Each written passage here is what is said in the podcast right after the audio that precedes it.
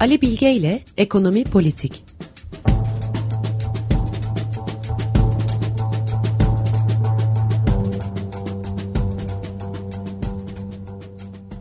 Günaydın Ali Bey, merhabalar. Merhabalar Ömer Bey, merhaba Özdeş. Günaydın. Herkese iyi haftalar. İyi haftalar size de. Gayet hareketli geçiyor hem dünyada hem de Türkiye'de.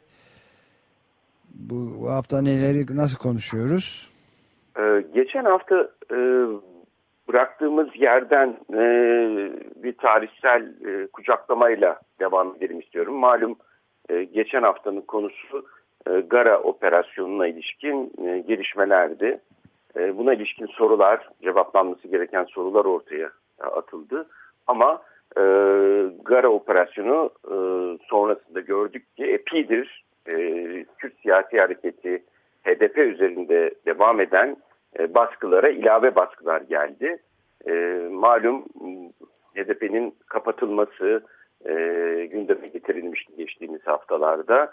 E, şu anda da e, kapatılmaya yakın önlemlerin alınmaya başlandığı, e, milletvekillerinin dokunulmazlıklarının kaldırılması, gözaltına alınanlar, tutuklananlar, e, 2015'ten beri devam eden bu sürecin e, ağır e, bedelleri söz konusu. E, şimdi de bu 6 milyon seçmenin oy verdiği HDP üzerine e, gidilmesi e, bize Cumhuriyet tarihinin ilk yıllarında yaşadığımız e, takrir sükunu hatırlatıyor. Ben bu programda Gara'nın hatırlattığı ve 98 yıl önce, e, 96 yıl önce e, Şeyh Said isyanıyla başlayan takrir sükun kanununun hayata geçirilmesiyle e, başlayan süreci biraz anlatmak, e, bir e, analoji kurmak, benzerlikleri ortaya çıkartmak istiyorum. Malum biz e, Cumhuriyet tarihimizin öncesine ve sonrasına ilişkin Kürt sorununu e, gerçek boyutlarıyla ortaya e, konan bir e, devletimiz yok. Bu isyanlar için de geçerli. E, bunların e, ülke maliyetleri konusunda da doğru dürüst bir çalışma ortaya konulmamıştır. Kürt konusu baskı ve korku konusu ola gelmiştir. E, genelde bilgiler devletin belleğinde saklanması gereken konulardır. Toplumun belleğinden silme politikası çok uzun yıllar e, devam eden bir politikadır.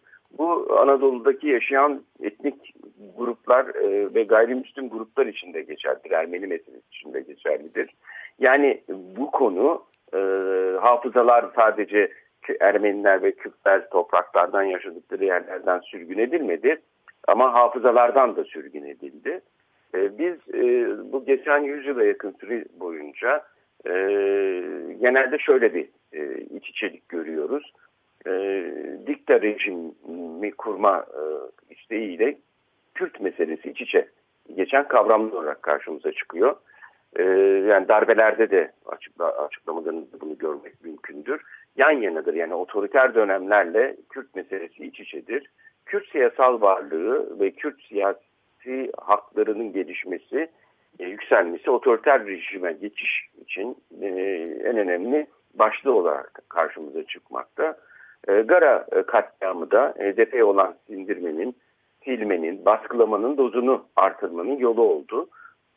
Ama burada dikkat çekilmesi gereken husus aslında HDP'yi sindirme, silme, baskılama topyekun bir muhalefetin susturulması süreci anlamına geliyor.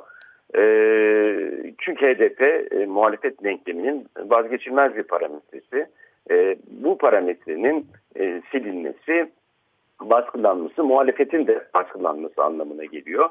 Yani HDP'yi denklemden çıkarırsanız muhalefet bloğunda e, HDP'nin yer almasını önlerseniz iktidarınızın süresi uzayabiliyor.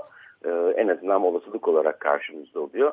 Dolayısıyla HDP'yi PKK ile eşitlemek, PKK ile terörist ilan, birlikte terörist ilan etmek, dolayısıyla HDP ile ilişkilenen muhalefeti de terörist ilan edersen tümüyle muhalefeti terörist ilan ederek bölmeyi, muhalefeti bölmeyi ve sindirmeyi başarma yolu olarak da karşımıza çıkıyor. Ee, dolayısıyla istenen bugün Türkiye'de tamamen takrir sükun öncesi ve sonrasında olduğu gibi e, muhalefetsiz et, e, ya da ses çıkarmayan ne de müsaadeye mazhar olan göstermelik bir muhalefet tasarımıdır. E, işte EDP'nin kapanması, silikleştirilmesi, etkinsizleştirilmesi toplumsal ve siyasal muhalefetin tak, e, tasfiyesi demektir. Bir anlamda takvir-i sükun demektir. Takvir-i sükunun kelime anlamı huzur ve asayişi sağlama kanunudur. E, bu bağlamda e, 1925 yılının 13 Şubat'ında başlayan Doğu, e, takvir-i sükun e, öncesi dönemde Şeyh Seyit e, yani bir Kürt isyanı başlamıştır. E, ve bunun üzerine 2 Mart'ta kadar olan görüşmeler ve siyasal gelişmeler önemli. 2 Mart 1925'te de e, bu kanun çıkarılmıştır. Ama isterseniz biraz e, bu kanunun öncesi e, birinci meclis durumuna bakalım. Birinci meclis 1919'da e, 20 ile işte 24 arası sürece bakmamızı gerektiren bir meclistir. Aslında 1923 yılında e, bir seçimler yapılmak suretiyle e, meclis yenilenmiştir. E, bu ilk meclis bir ittifaklar meclisi olarak karşımıza çıkmaktadır. Bu ittifakın en önemli unsurlarından biri de Kürtlerdir. Birinci meclis aslında Kürtlerin e, aktif olarak destek verdikleri bir kompozisyondadır. E, ve nitekim e, birinci mecliste e, Kürtler e, temsil edilmiştir. Doğu kongreleriyle zaten birinci mecliste gelinmiştir. Dolayısıyla ittifakta Kürtlerin yeri vardır. Pek çok unsurun olduğu gibi ama temel odak gayri e, yani bir gayri anti e, Müslümanların ol, e, Müslüman olmayanların yer almadığı bir meclistir. E, tabii Lozan sonrası e, süreçte e, bu meclisin e, de kurulan ittifaklar bozulmaya başladı. Özellikle Kürtlere verilen bazı sözler var. Bu sözlerden biri yerel özelliklerdir. Hatta Robert Olson'a göre işte e, bu özellik veren kanun tasarısı e, meclisin gündemine gelmiştir. Mustafa Kemal'in de konuşmalarında İzmit ve bu e, İzmit konuşmasında e, buna yer verdiğini daha sonraki yıllarda öğrenmiş bulunuyoruz. Ama Lozan sonrası süreçte bu ittifaklar bozulma aşamasına geldi. Meclis yenilenmedi ama istediği gibi yenilenmedi e, Mustafa Kemal'in. Dolayısıyla e, en büyük ittifak e, unsuru olan doğudaki yaşayan e, Kürt e, toplumu e, ittifak dışarısına çıkarıldı. Bu çıkarılmanın yarattığı bir e, tepki ile karşı karşıya kalıyoruz. O da 1925 yılında e, karşımıza çıkan Şeyh Seyit isyanı. Şeyh Seyit isyanı genel olarak e, işte 13 Şubat'ta başladı, bölgede yayınlaştı ve o sırada hükümette başbakan e, pozisyonunda Fethi Okyar bulunuyordu. Fethi Okyar Mustafa Kemal'in çok yakın arkadaşıdır. Hatta bir dönem patronudur yani e, Sofya'da Büyükelçi Fethi Ateşi Militer Mustafa Kemal'dir. E, ama gönül, e, davranış olarak İsmet Paşa ile çok farklıdır. Mustafa Kemal'in de e, kadrosundadır ama bazı farklılıklar söz konusudur. Daha liberal bir yapısı olduğu söylenir. E, bu konu patlak verdiğinde hemen önlemler alınır. Mecliste de terakkiperver Cumhuriyet Fırkası bulunmaktadır. Yani biz o dönemde e, çok partili bir dönemde, bir dönemde bulunmaktayız. Muhalefet vardır mecliste ve bu muhalefetin unsurları birlikte hareket ettikleri Mustafa Kemal'in arkadaşlarından oluşmuştur. Çünkü Mustafa Kemal Lozan öncesinde ve sonrasında e, artık tek adam rejimini e, gündeme getirmiştir. Herkes benim emrimi dinlemek durumundadır. Benim verdiğim emri yapmalıdır der. Bunu halide edip de e, çok net belirtir. Ben de mi paşam der. Evet siz de benim emrimde olacaksınız der. Ve bu kristalleşmenin olduğu bir meclistir. Bunu da istememektedir Mustafa Kemal ve İsmet Paşa. Bu dönemde mecliste e, Cumhuriyet Halk Fırkası içinde bir mutediller, ılımlılar vardır. Bir de müfritler, aşırılar. Aşırılar Fethi Okyar'a tahammül edememektedir. Nitekim İsmet İnönü başbakanlıktan ayrılmasına karşın e, parti vekilliği, genel başkan vekili olarak da sürdürmektedir. Bu olay patlak verdiğinde e, öncesinde bir anlamda meclisteki muhalefeti dengelemek için Fethi Okyar getirilmiştir. Ve bu olay patlak verdikten sonra e, mecliste müfreze denilen e, aşırı milletvekilleri, Tilehandaz milletvekilleri denen kesim e, Fethi Okyar'a karşı, aldığı önlemlere karşı bir tepkide bulunmuştur. FETÖ'kler de Terakkiperver Cumhuriyet Fırkası da Cumhuriyet Fırkası'nın e, ılımları da aslında Kürtlere karşı sert tedbirlerin alınmasının da ortaktırlar. Kazım Karabekir'den ılımlılara ve bütün müfritlere bunun bölgesel olması gerektiğini önlemlerin e, ve bütün Türkiye'ye e, uygulanmaması gerektiğini, muhalefet üzerinde uygulanmaması gerektiğini söylerler. Ama bu yetmez ki yönetim ilan edilmiştir hemen FETÖ hükümetince. Vatanı ihanet kanununda değişiklikler yapılmıştır. Ama sonuçta bu yetmez. Ee, daha aşırı tedbirlerin yok edilme tedbirlerinin alınması e, Mustafa Kemal, İsmet İnönü ve onun çevresindeki e, aşırı e, şiddet, devlet şiddeti uygulanması aynen bu kelime kullanılıyor. Devletin şiddet uygulaması gerektiği e, söyleyen kesimler e, Feta Okyar'ın e, başbakanlıktan indirilmesini ve e, İsmet İnönü'nün tekrar başbakanlığa getirilmesini sağlarlar. İşte bu hükümet e, takrir-i sükun kanununu çıkarmıştır. Takrir-i sükun kanunu e, dönemin e, liderlerince ülkede bir mezar sessizliği istenmektedir. E, nitekim e, bütün muhalif unsurlar yani e, soldan sağa e, tek adam rejimine, tek parti rejimine e, muhalif olan tüm unsurlar e, denetim altına alınır. Sadece ayaklanma bölgesiyle ilgili değil, ayaklanma bölgesinde uçaklar kullanılması e, gündeme getirilir. E, kullanılsın mı kullanılmasın mı nasıl kullanılsın bu iki hükümet arasındaki tartışmalar içerisindedir. Ve takdiri sükunla birlikte e, Türkiye'de e, e, sadece rejimi övmeye müsaade edilecektir denir. E, hiçbir e, muhalif ses çıkarılmaz. Terakkiperver Cumhuriyet Fırkası ki içinde Kazım Karabekir, Rauf Orbay, Refet Bele, adı var e, çiftliği ve pek çok e, birinci meclisin oluşumunda katkıda bulunan e, paşalar e, ve e, Mustafa Kemal'i destekleyen kesimler e, tasfiye edilmeye başlanır. E, Türkiye'de sol muhalefet de aynı şekilde komünist, e, sosyalistler de bastırılır.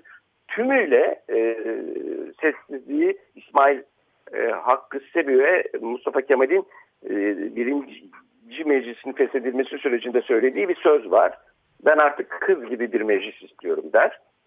E, dolayısıyla bu e, mecliste e, ve 1919-20'de kurulan ittifaklar bozulur. Özellikle Kürt ittifakı bozulur. E, ve Kürt ittifakının yerine işte Kürtleri Türkleştirme, asimilasyoncu politikalar gündeme gelir. E, bu e, dönemde e, alınan önlemler e, özellikle ekonomik e, tarafta e, dikkat çeken bir durumdur. Türkiye'nin e, ilk resmi bütçesi 1924 yılında oldu. E, resmi bütçeden sonra 1925 yılı bütçesine e, baktığımızda bütçe harcamalarında e, en büyük payın e, müdafaa-i milliye vekaletine ait olduğunu görüyoruz. Yani Savunma Bakanlığı bütçesine. Bu durum bütün yıllar boyunca devam eder. Hatta %30'lara kadar çıkar. E, 29 buhranı nedeniyle de %20'ler seviyesine geriler en fazla. E, zaten 1923 sonrası e, izlenen ekonomi politikası müdafaa yani savunma ekonomisi niteliğindedir. E, savunma harcamalarına çok ciddi kaynak ayrılmıştır. Bunun nedeni de bellidir. 1925 ile 38 arasında e, Kürt meselesine ilişkin e, tenkil, tedip yani e, terbiye etme, tepeleme e, ve e, oradan doğan huzursuzluktan doğan isyanlar neticesinde pek çok e, e, ayaklanma e, ya da dize getirme operasyonu yapılmıştır. Bunlar para demektir. Muazzam bir para harcanmıştır. E, nitekim Başbakan İnönü e, 1933 yılında Cumhuriyet'in 10. yıl münasebetiyle kadro dergisinde e, bir yazı göndermiştir.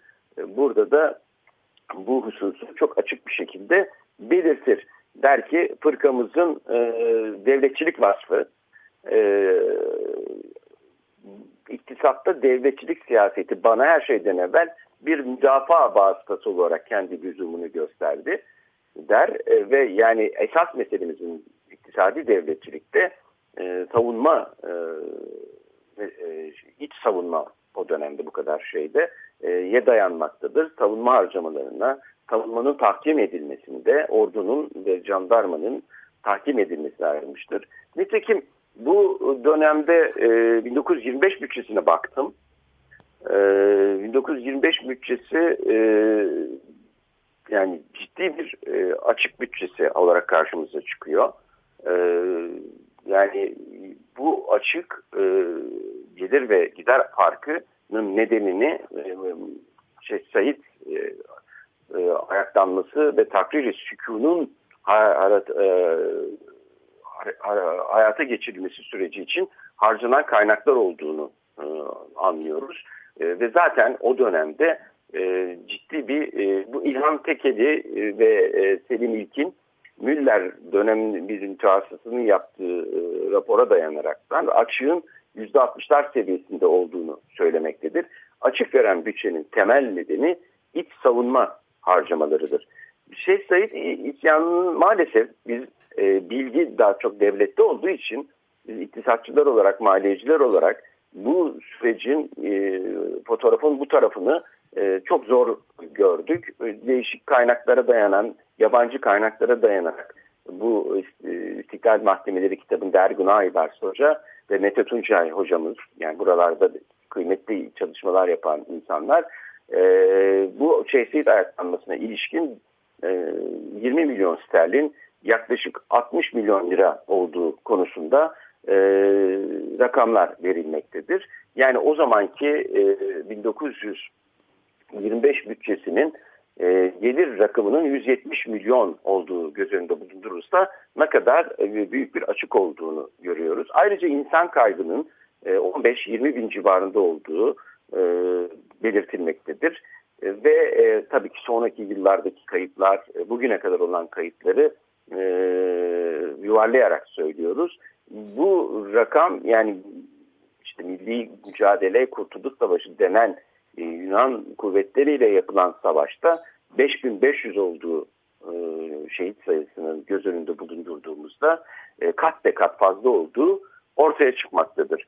Şimdi e, yani o zamanki 1925 yılında yapılan şeylerde e, Türkiye'nin milli gelirinin 846 milyon TL olduğu hesaplanmıştır. Buradan e, şunu e, özellikle belirtmekte fayda var. E, bugün yaşadıklarımız bile e, yani Başbakan şey Cumhurbaşkanı Erdoğan'ın Mustafa Kemal'in e, görüşlerinden e, yaklaşımlarından haz etmediği e, aşikardır. Ama yöntemleri konusunda e, ciddi bir e, e, taklit olduğu da görülmektedir. E, muhalefeti sindirmek istiyorsunuz. Özellikle Kürt varlığını ki Kürt varlığı Cumhuriyet öncesinde Kürt Tali Cemiyeti'nce örgülenen bir siyasal varlık vardır çeşitli akımlarda. Ve tüm %85'i Kürtlerin birinci meclisteki ittifak içerisinde yer almışlardır. Ee, ve sonra bozulan ittifak sonucunda çıkan huzursuzlukların e, Cumhuriyete bedeli, Türkiye Cumhuriyeti'nin yaşadıkları 1938'e kadar 17 isyanlar, 1984'ten sonra başlayan gelişmelere biz şahidiz. E, gazeteci, yayıncı olarak e, gözümüzün önünde cereyan eden olaylardır. Bütün bu e, yüksek bedeller e, genelde e, ki bugünkü iktidar açılım ve çözüm süreci gibi e, deneyimlerden e, geçtikten sonra e, bu meselenin e, takrir-i sükununa gelmiş bulunmaktadır. Takrir-i sükun demek muhalefetin her zerresine tahammül edememek demek. E, Kürt siyasi ha, e, hareketinin silinmesi, silikleştirilmesi, varlığıyla ilişkin bir problematiğin ortaya çıkarılması, bir muhalefet problematiğinin de ortaya çıkarılması anlamına gelmektedir. E, dolayısıyla e, bugün yaşadıklarımız e, 6 milyon insanın oy verdiği partinin e, tasfiyesine dönük yani hukuken tasfiye etmeyelim ama bunu itlaf edelim diyen bir iktidar ortağı da bulunmaktadır. Aynen o dönemin CHP'sindeki aşırıların, müfritlerin söylediği gibi. Dolayısıyla içinde bulunduğumuz durum e, böylesi yani aydınlanmayan çok katliam var. Gara katliamı, Roboski, Bingöl katliamı gibi. E, karşımızda böyle bir e, denklemden HDP'nin çıkarılması meselesiyle e, karşı karşıya olmanın e, karşılığı muhalefetinde ezilmesidir. E, Ali Bey ben de bu noktada bir şey söyleyebilir miyim? Şimdi e, şeyin Buyurun e, lütfen. E, Mete Tunçay'ın e, Türkiye Cumhuriyeti'nde tek parti yönetiminin kurulması adlı kitabı 1981'de pek çok e, yerde de alıntılanmakta önemli bir araştırma. Orada e, şeyi söylüyor yani e, görebildiğim kadarıyla takriri sükun kanunuyla bütün muhalefetin susturulduğu, bütün karşı hareketlerin bastırıldığı, on binlerce kişinin tutuklandığı ve binlerce kişinin de idam edildiği veya yüksek bir bilanço sizin de biraz önce söylediğiniz gibi ve e, şöyle tam bir devlet terörü uygulanır diyor e, takriri sükun kanunu döneminde. E, terim bu yani tam bir devlet terörü ve başta Mustafa Kemal'in Anadolu hareketine katılmasını isteyenler onu ordu müfettişi olarak atayanlar İstanbul'dan alıp Erzurum'a kadar getirenler olmak üzere eski karakol teşkilatı, teşkilatı mahsusa Mahsus. üyeleri ve onların yakınlarıyla İttihat ve Terakki Cemiyeti'nin önemli bir kısmı idam edilir, sürülür, politika dışı bırakılır. Bu arada milli amaçlar için kanunlar üzerine çıkmak da artık genel bir davranış tarzı olmuştur e, diyor. Dietrich Jung ve Wolf, Wolfgang Piccoli'nin de Yol ayrımında Türkiye adlı kitabında da ayrıntılı, kapsamlı bilgiler var. Bunlara da e, yani bu konuda okumak isteyenler için Mete Bey'in kitabı, bende de 81 baskısı var. E, bir başyapıttır. E, çok şeyi ben şahsen o yıl yayınlanan o kitaptan öğrendim. İsmail Göldaş'ın takdir sükun görüşmelerini tavsiye ederim. Mahmut Goloğlu'nun, Ergun Aybars'ın, Ahmet Demirel'in e, sonraki yıllarda ve çok pek çok anı içerisinde bunları görmek, e, bu şeyleri çıkartmak mümkün. E, burada e, bugün e, muhalefetin e, dikkat etmesi gereken husus e, HDP üzerindeki bir operasyona karşı vaziyet almalarıdır. E, bu yani gör, görünen e, şu yani HDP parametresi denklemden çıkarıldığı zaman muhalefet denklemi ortada kalmıyor. Ha Aliyev muhalefeti gibi muhalefet olmak istiyorlarsa elbette devam edebilirler. E, müsaadeye mazhar muhalefet. Yani Cumhuriyet Halk Partisi içinde bir saatten sonra büyük bir bunalım doğdu biliyorsunuz. İşte ülkede de bunalım doğdu. Fethi Okyar'ı yine çağırdı. Mustafa Kemal serbest fırkayı kurdu. Oynadı resmen. Ondan sonra tekrar kapattı. Tekrar Paris'e Fethi gitti. Sonra bakarsınız müstakil gruplar oluşturdular. Aman bizi eleştirsinler diye. Şimdi e, tek parti, tek şef e, deneyimi bu ülkede şunun altını çizerek yani genelde otoriterlik ve diktatörlük meselesine girişildiğinde e, Kürt meselesi e, e, ortaya atılarak cereyan ediliyor. Dolayısıyla e, bugün ülkede bir otoriter rejim söz konusu. Bu otoriter rejim yeni bir üst platoya sıçramak istiyor. E, sıçrayacağı rejimin adını e, herkes biliyor ve bu rejimde muhalefet de olmuyor. E, dolayısıyla e, Türkiye'nin e, 1925 yani kurucu yılları dediğimiz kuruluş yıllarına ilişkin takviye sükun e, uygulaması bir anlamda işte darbe girişimi bahanesiyle olağanüstü hal uygulaması daha da ileri bir uygulamadır. Yani mahkemelerin idam yetkisini meclise onaylanmadan doğuda özellikle atabilmektedirler. Nitekim binlerce insan atıldı. Bunların rakamlarını da bilmiyoruz. Ergun Aybars'ta bir takım çalış şeyler var ama e, Türkiye'de istiklal mahkemeleri denilen mahkemelerin e, çalışma süreçleri çok e, bilinir. Tabii iki sene sürmüştür. Muhtemelen gelecek hafta biraz değinmek istiyorum. Çünkü gelecek haftada bitişle ilişkin 2 yıl 1927'de bitmiştir ama o hal gibi Türkiye'nin rejimine takvir sükun işlemiştir. Bu 1950'ye kadar bir şekilde devam eder. E, ama şunları görmek lazım. Bugün muktedir olanlar e, olağanüstü laflar edebiliyorlar. Muktedir olanlar e, e, mazlumlara e, hapishanede bulunan Osman Kavala'ya, Ayşe Buğra'ya, e, Üstün Hoca'ya e, laf edebiliyorlar. E, muktedirlerin daha sonraki durumlarından ders almak lazım. Özellikle ben sağlık vereceğim. İstiklal Mahkemesi'nin meşhur reisi, 3 Aliler Mahkemesi, Aliler Mahkemesi denilen mahkemenin reisi Kel Ali lakabıyla olan Ali Çetinkaya'nın hayatına bakmalarını tavsiye ederim. Ee, o kadar insan asmıştır ki suçsuz ee, ve sonrasındaki hayatında e, yalnız kalmıştır. Bir gece e, onunla bitireyim. E, 27 yılında e, Ankara Palas'ta verilen bir baloda Mustafa Kemal artık kararını vermiştir. E, takvir ve sükunu kaldıracaktır. İnsanlar bir şeyle eğlenmektedir. Bunlardan biri de mahkeme üyeleridir. Ve bir e, laf dağılır, takvir ve sükun kaldırdı e, Paşa Gazi Hazretleri diye. Koşar Kelali, paşam ne yapıyorsunuz, neden kaldırıyorsunuz? Ali Beyler ben kurdum ben kaldırıyorum. Beyefendiye yolu gösterin. Kapıda hediye bir Mercedes otomobili bulunmaktadır, bir şoför. Onunla evlerine gönderilir mahkeme üyeleri. Böyle e, acı durumlar vardır. Sonraki hayatında da e, astırdığı insanların e, yüzleri bütün uyuyamamaktadır. O sanrılarla e, yaşar. E, onun için muktedir olmak her daim olmuyor.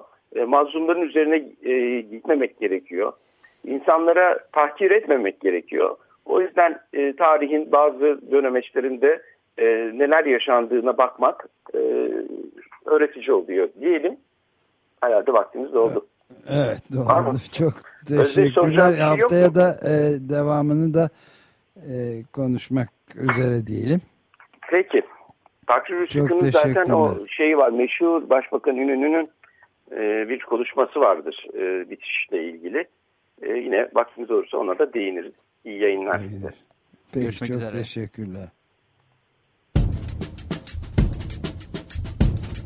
Ali Bilge ile Ekonomi Politik